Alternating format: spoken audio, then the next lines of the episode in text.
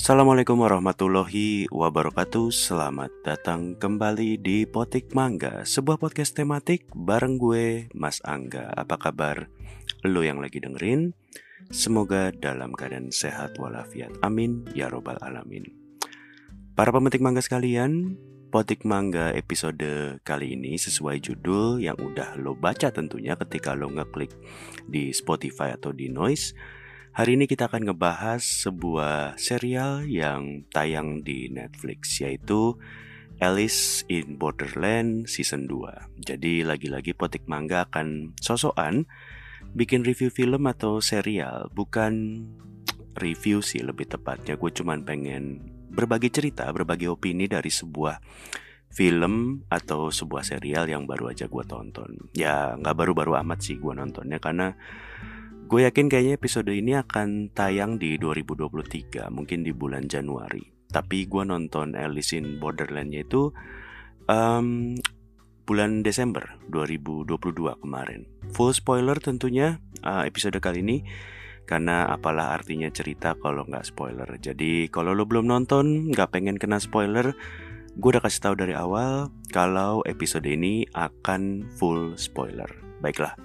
Mari kita mulai, preambulnya sudah cukup, mari kita mulai membahas serial Alice in Borderland Season 2 Ini episodenya nggak akan uh, detail satu persatu episodenya. Atau mungkin kalaupun ngebahas jalan cerita kayaknya juga nggak akan detail. Kalau lo mau dengerin yang lebih teknis, lebih um, apa ya lebih membahas secara detail gitu misalnya tentu akan lebih banyak akun movie reviewer baik di podcast Spotify, Noise atau mungkin di YouTube yang lebih capable daripada gue tentunya. Ya, ini sih gue cuman mau cerita-cerita aja lah. BTW Alice in Borderland, kalau lu yang belum pernah nonton Alice in Borderland uh, dari season 1, sekarang ada di season 2, jelas lu harus nonton dulu season satunya menurut gue sebelum lu nonton season 2. Karena memang um, dasar-dasar cerita dan karakter yang ada di season 2 ini semuanya diperkenalkan di season 1. Jadi memang ini murni lanjutan dari season 1 gitu. Alice in Borderland ini memang kalau secara cerita itu tentang bagaimana orang-orang yang hidup di dunia nyata mendadak pindah ke sebuah dunia permainan, dunia game di mana lo harus menang game tersebut untuk bertahan hidup. Jadi, kalau lo mau hidup, lo harus ikutan game. Kalau lo menang gamenya tersebut, nanti lo dapat semacam visa, visa sekian hari untuk bertahan hidup. Kalau kalah ya mati. Sama kalau lo nggak mau ikutan gamenya, visa lo akan habis, tentu akan dieksekusi mati. Gamenya itu terdiri dari um, beberapa apa ya namanya kategori dan tingkat kesulitannya pun berdasarkan uh, kayak permainan kartu, kartu remi. Kartu remi kan ada uh, scope, ada heart, ada diamond, ada club atau keriting gitu. Jadi ada empat kategori dan secara level pun uh, sama kayak permainan kartu di mana kartu dua itu dianggap paling rendah, beda kayak capsa di mana dua paling tinggi. Um, dua itu masih paling rendah di Alice in Borderland Kemudian angka 10 paling tinggi untuk kartu yang angka, terus kartu gambar makin tinggi uh, jadi 10 Jack Queen King gitu. Jadi terus gambar juga sesuai urutannya King paling tinggi, Queen terus Jack. Jadi game yang paling gampang itu konon adalah game kartu 2 dan game paling susah ya game yang kartu King gitu. Kalau um, daunnya itu yang tadi gue bilang kategori lah semacam membedakan karakteristik permainan. Kalau gue nggak salah itu scope itu game yang permainan kekuatan. Kalau diamond itu permainan otak teka-teki. Kalau clubs atau keriting itu kerjasama tim kalau gue nggak salah. Kalau heart itu main hati. Gue nggak salah main hati lah. Um, jadi permainan yang melibatkan emosional, permainan yang uh, melibatkan perasaan itu hard gitu. Kurang lebihnya kayak gitulah. Dan yang kayak tadi gue bilang, secara premis dasar itu lo harus survive dalam dunia game. Jadi memang bisa dibilang Uh, kalau lu nggak familiar sama Alice in Borderland, Alice in Borderland itu mirip mirip-mirip sama Squid Game. Gue yakin lu udah pernah nonton Squid Game atau setidaknya lo tahu apa itu Squid Game gitu. Karena memang di kedua serial itu um, kedua karakter atau tokoh yang ada di serial tersebut harus menang sebuah permainan demi bisa bertahan hidup. Um, jadi Alice in Borderland sama Squid Games ini secara permainan atau secara premis itu mirip-mirip gitu. Tapi memang uh, kalau secara timeline Alice in Borderland season 1 itu tayang duluan ketimbang Squid Game. Alice in Borderland itu tayangnya di 2020 pas lagi pandemi parah-parahnya kalau gua nggak salah. Sementara Squid Game itu lebih belakangan di tahun 2021 secara tayangnya ya. Kalau secara ide, secara produksi, syuting, editing dan lain-lain ya gue nggak apal-apal banget lah. Intinya kalau secara popularitas menurut gue Squid Game itu kayaknya lebih viral, lebih mendunia. Sementara Alice in Borderland kayaknya nggak segitunya gitu ya. Um, Buktinya ketika Squid Game itu nongol, kalau gue nggak salah ya, Squid Game itu mencapai sebuah global phenomenon. Mirip lah kayak Money Heist gitu, sebuah serial Netflix yang juga bisa dibilang viral dan jadi fenomena global gitu. Bi parameter atau indikatornya itu banyak fans Squid Game yang nonton Squid Game dan suka sama Squid Game itu banyak yang sampai cosplay sampai uh, pakai kostum seragam peserta Squid Game gitu. Artinya uh, banyak yang menggunakan seragam ijo-ijo Squid Game untuk Halloween, untuk cosplay gitu. Bahkan boneka Squid Game juga jadi ikon. Boneka yang apa ya namanya ya? Boneka lampu merah, lampu hijau itulah. Boneka yang bisa mendeteksi gerakan itu. Gue nggak tahu nama boneka apaan tapi gue yakin lo tahu maksud gue. Intinya secara popularitas walaupun premisnya mirip, uh, Squid Game gue jamin lebih populer karena memang um, Squid Game itu dasarnya adalah ngumpulin orang yang punya kesulitan finansial jadi satu, punya utang, kesulitan finansial, bangkrut. Dikumpulin jadi satu disuruh main yang menang bakalan dapat duit. Sementara Alice in Borderland ini memang ceritanya lebih fantasi lebih komikal gitu di mana orang-orang di satu kota di Tokyo karena ini memang serial Jepang bukan Korea di Tokyo itu tiba-tiba mendadak menghilang um, ketika suatu hari itu apa namanya ada semacam kembang api gitu. Tiba-tiba mereka menghilang orang-orang yang ada disuruh main game gitu. Ya mungkin karena memang uh, Alice Borderland ini lebih fantasi pendekatannya karena memang konon adalah sebuah adaptasi dari sebuah komik sebuah manga Jepang gitu. Jadi memang ceritanya udah begitu uh, komik yang diadaptasi dari serial live action juga yang menurut gue signifikan gitu ya uh, di antara Squid Game sama Alice in Borderland itu tokoh yang ada di kedua serial itu. Kalau di Squid Game itu kan kita fokus sama perjuangan bertahan hidup si tokoh utama. Siapa namanya ya? Gue lupa kok. Gihun, Son Gihun kalau gue nggak salah. Gihun namanya si Squid Game um, jadi kita fokus sama si Gihun itu sebagai si tokoh utama karena memang Squid Game adalah sebuah permainan yang sifatnya individual gitu. Sementara kalau Alice in Borderland ini vibe-nya itu kayak lo lagi main game gitu. Ada banyak karakter dengan kekuatan masing-masing. Persis lah kayak main game. Ada yang kuat, ada yang pinter, ada yang larinya kenceng. Jadi kayak semacam sebuah game di mana karakternya punya kelebihannya masing-masing. Karakter utama di sini adalah um, Arisu dan Usagi. Arisu dan Usagi ini pasangan cewek cowok, Arisu cowok, Usagi cewek. Mereka ketemu di dalam game, belum pernah kenal sebelumnya di dunia nyata. Ya bisa dibilang pasangan ini main karakter yang pacaran lah kurang lebihnya walaupun sih gue sebel ya dari season 1 sampai pertengahan season 2 ini pasangan berdua udah baper tapi nggak ciuman-ciuman ya.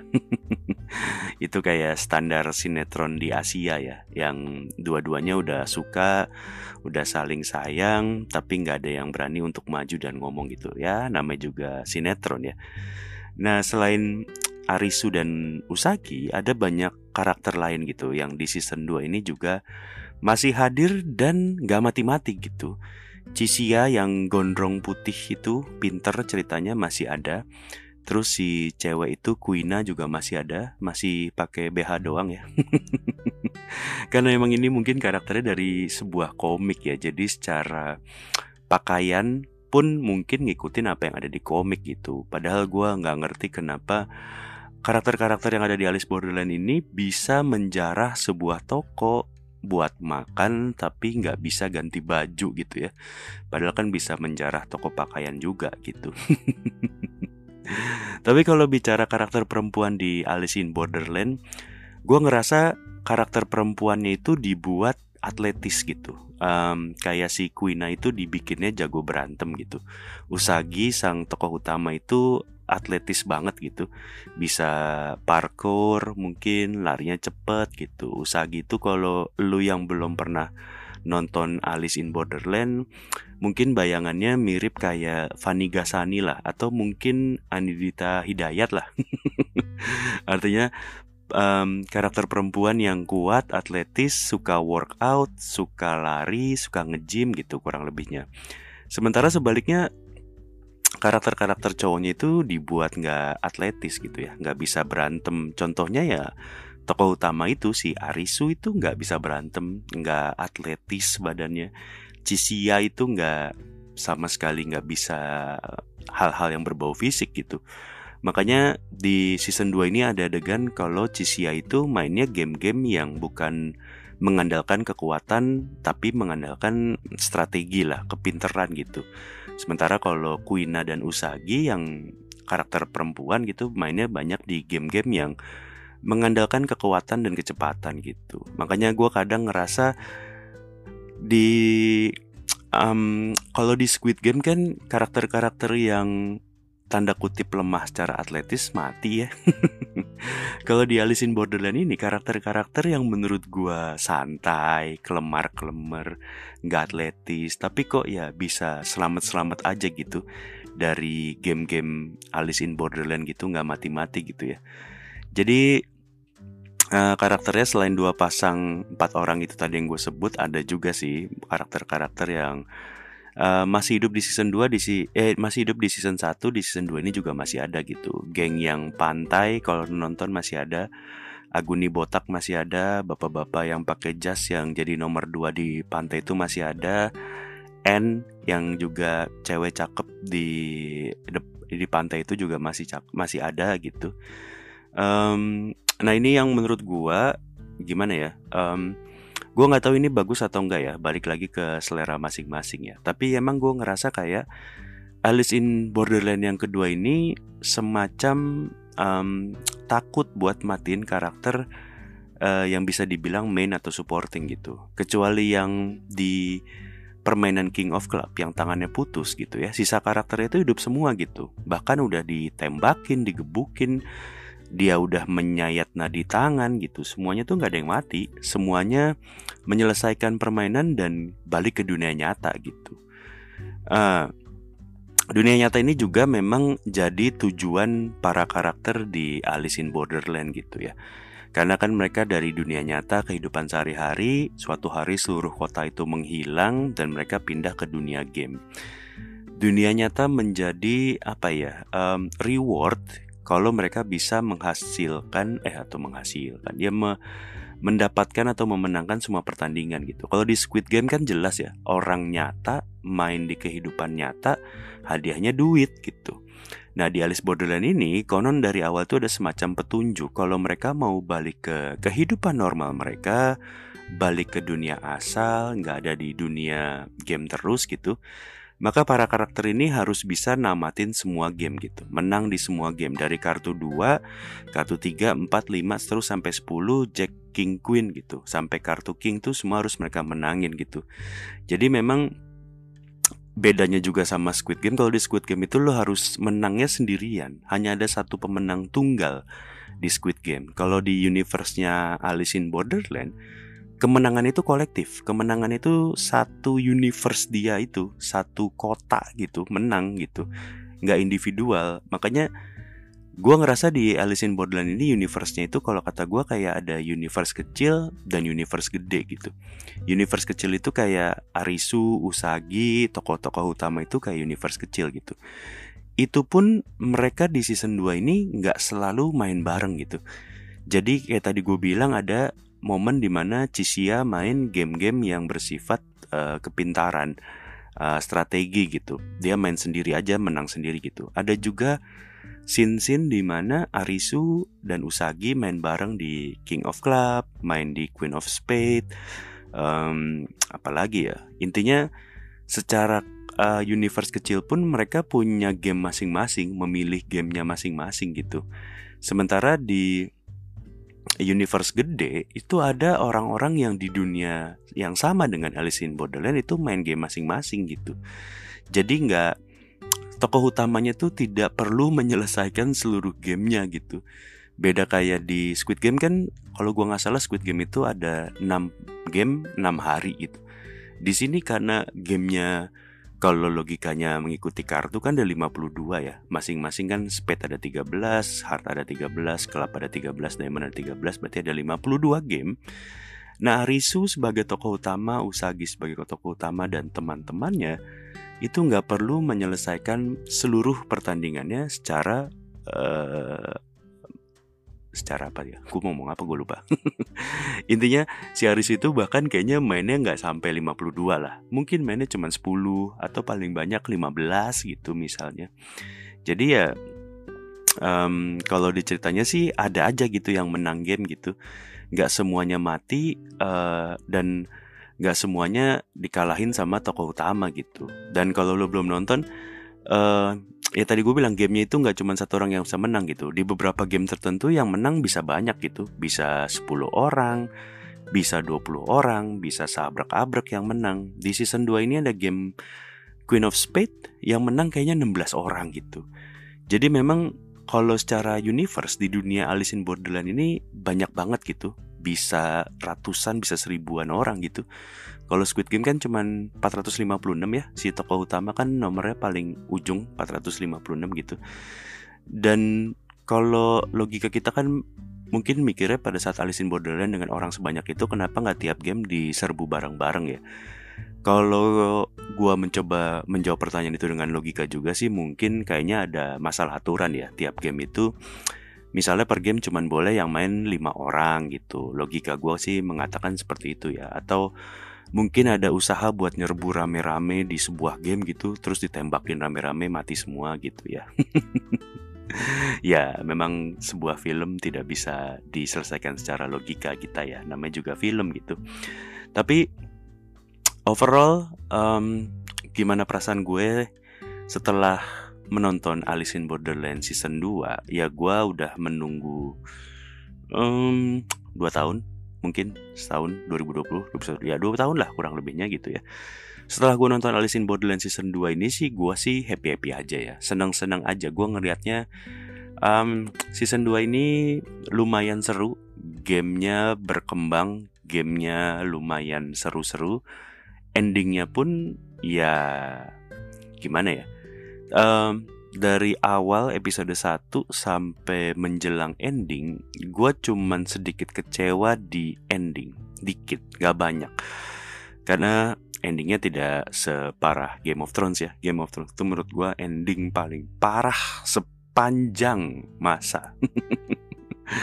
Tapi endingnya Alice in Borderland ini pun gue ngerasa kayak oh gitu doang. Cuman gitu sih. Jadi kayak um, endingnya itu memang sesuai yang diomongin di awal. Gimana endingnya itu sesuai cerita. Kalau mereka semua menang mereka bisa balik ke dunia asal. Jadi uh, apa namanya uh, sebelnya itu karena si pembuat serial ini lebih milih buat ngambil cerita kayak gitu di telan mentah-mentah. Ya gue nggak berharap ada plot twist yang aneh-aneh sih.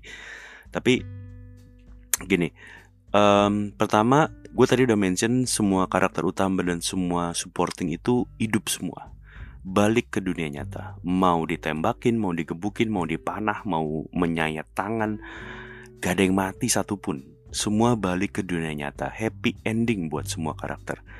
Ya walaupun memang jadi gini, pada saat mereka sudah uh, menyelesaikan permainan terakhir, uh, gamenya sudah tamat dengan selesai game Queen of Heart gitu ya. Para pemain yang masih hidup itu dikasih dua pilihan. Mau stay di dunia Borderland itu, di dunia game itu sebagai tim musuh gitu nantinya atau balik ke dunia nyata gitu. Ada yang milih stay, yang para survivor itu, tapi semua karakter utama Arigu, Arigu lagi, Arisu dan Usagi dan kawan-kawan ya milih untuk balik ke dunia nyata gitu. Dan endingnya ketika mereka balik ke dunia nyata, para karakter ini lupa ingatan kalau mereka pernah ada di dunia game. Di dunia nyata itu seolah-olah dunia game gak pernah kejadian dan para karakter sama sekali tidak ingat atau uh, mengenal satu sama lain gitu. Kembang api yang mereka lihat di awal season 1 yang bikin dunia nyata mereka tiba-tiba berubah ke dunia game itu ternyata cerita ini adalah meteor. Dan yang mati di dunia game ceritanya mati juga kena meteor tapinya bukan mati karena game. Dan karakter yang selamat itu bangun-bangun di rumah sakit lah dengan luka yang mereka dapatkan dari um, dunia game. Tapi mereka hilang ingatan kalau mereka pernah ada di dunia game dan tentunya nggak inget juga kalau pernah kenal satu sama lain di dunia game gitu. Jadi si Arisu dan Usagi sama-sama nggak saling kenal ceritanya kenalan lagi PDKT lagi dan Arisu ngajak Usagi ngopi di rumah sakit lah.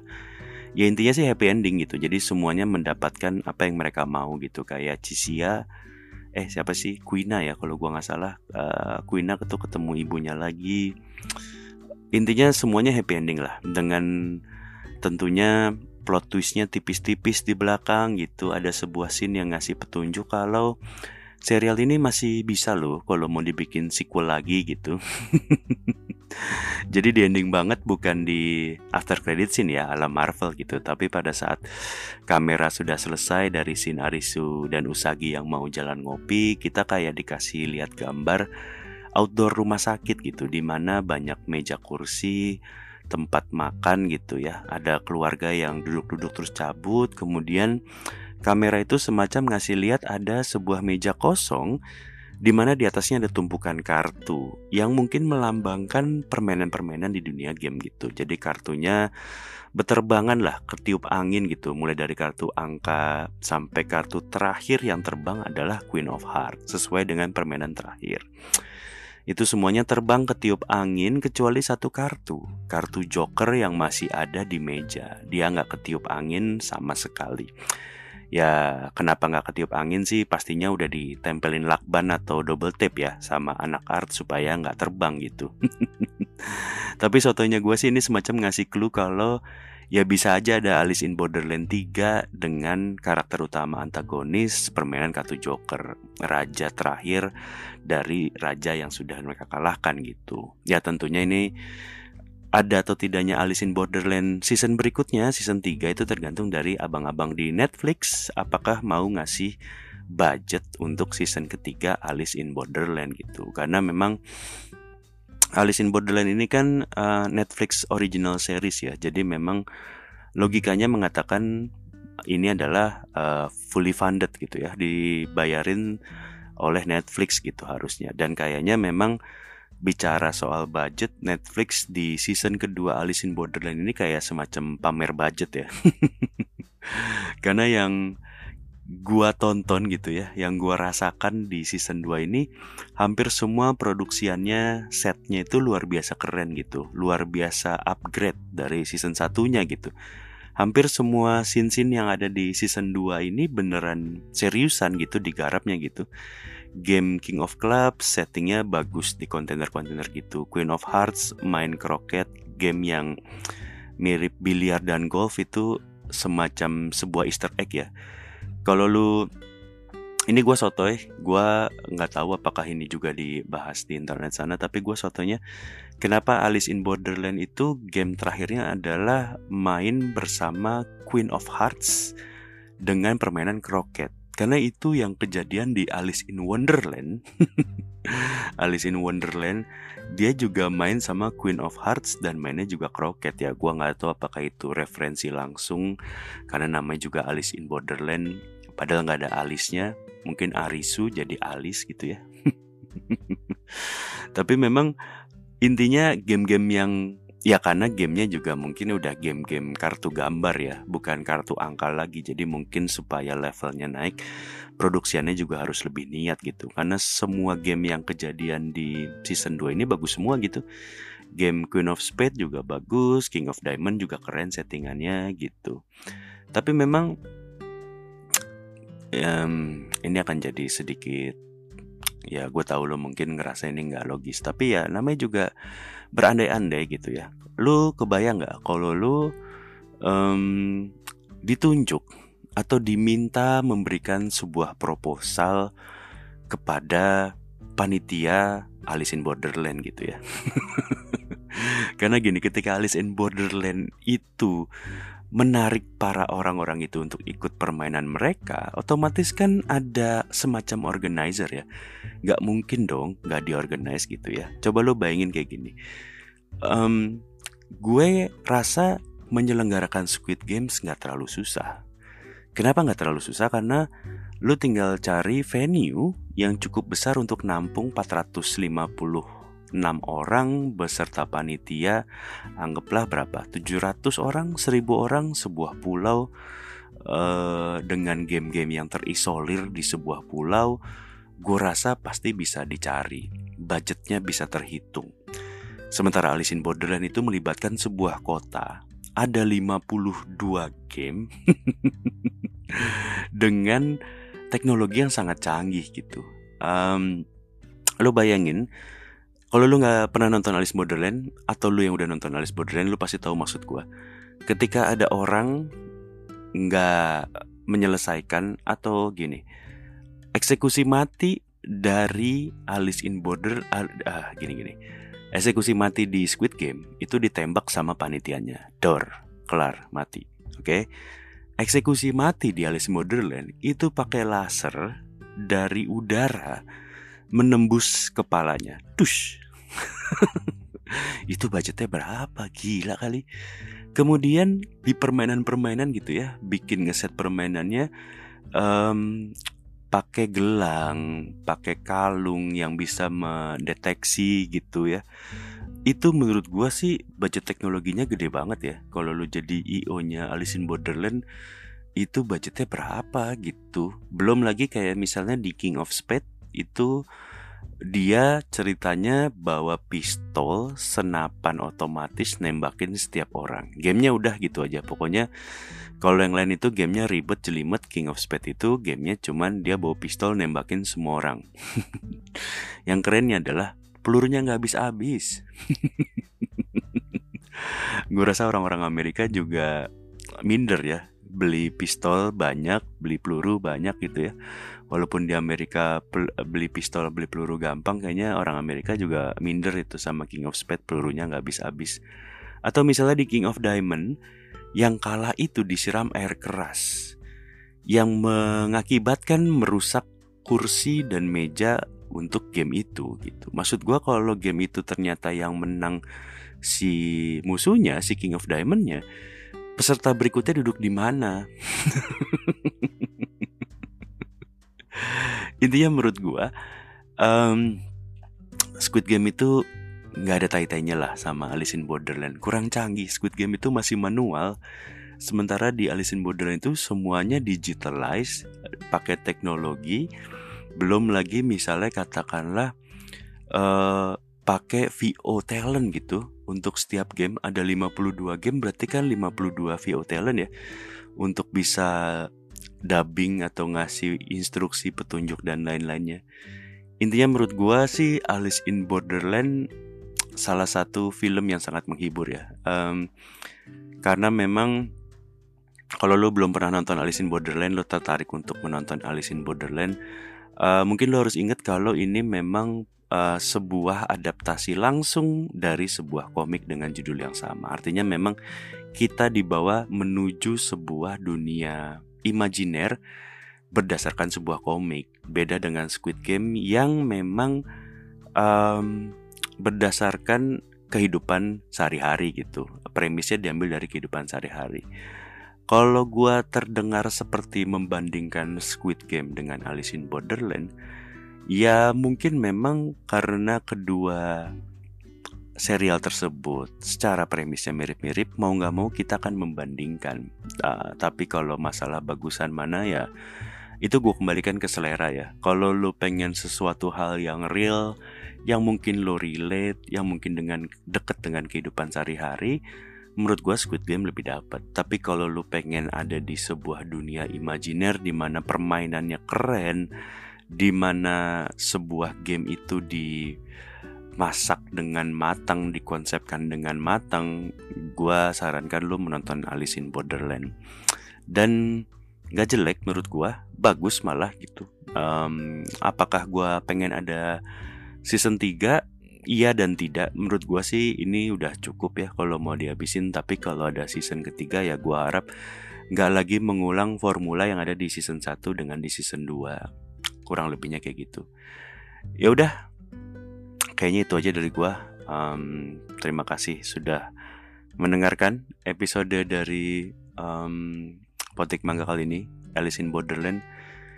Um, gue masih bingung ya dengan budget IO-nya Alice in Borderland.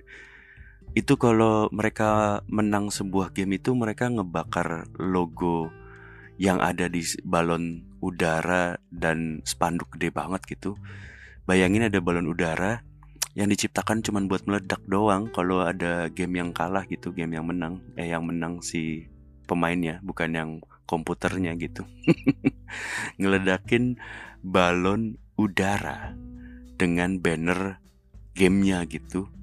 Menurut gue vendor balon udara yang uh, meledak itu bayarannya berapa gitu ya. Udah itu aja dari gue. Terima kasih sudah mendengarkan Potik Mangga. Sampai jumpa di episode lain dari Potik Mangga. Assalamualaikum warahmatullahi wabarakatuh.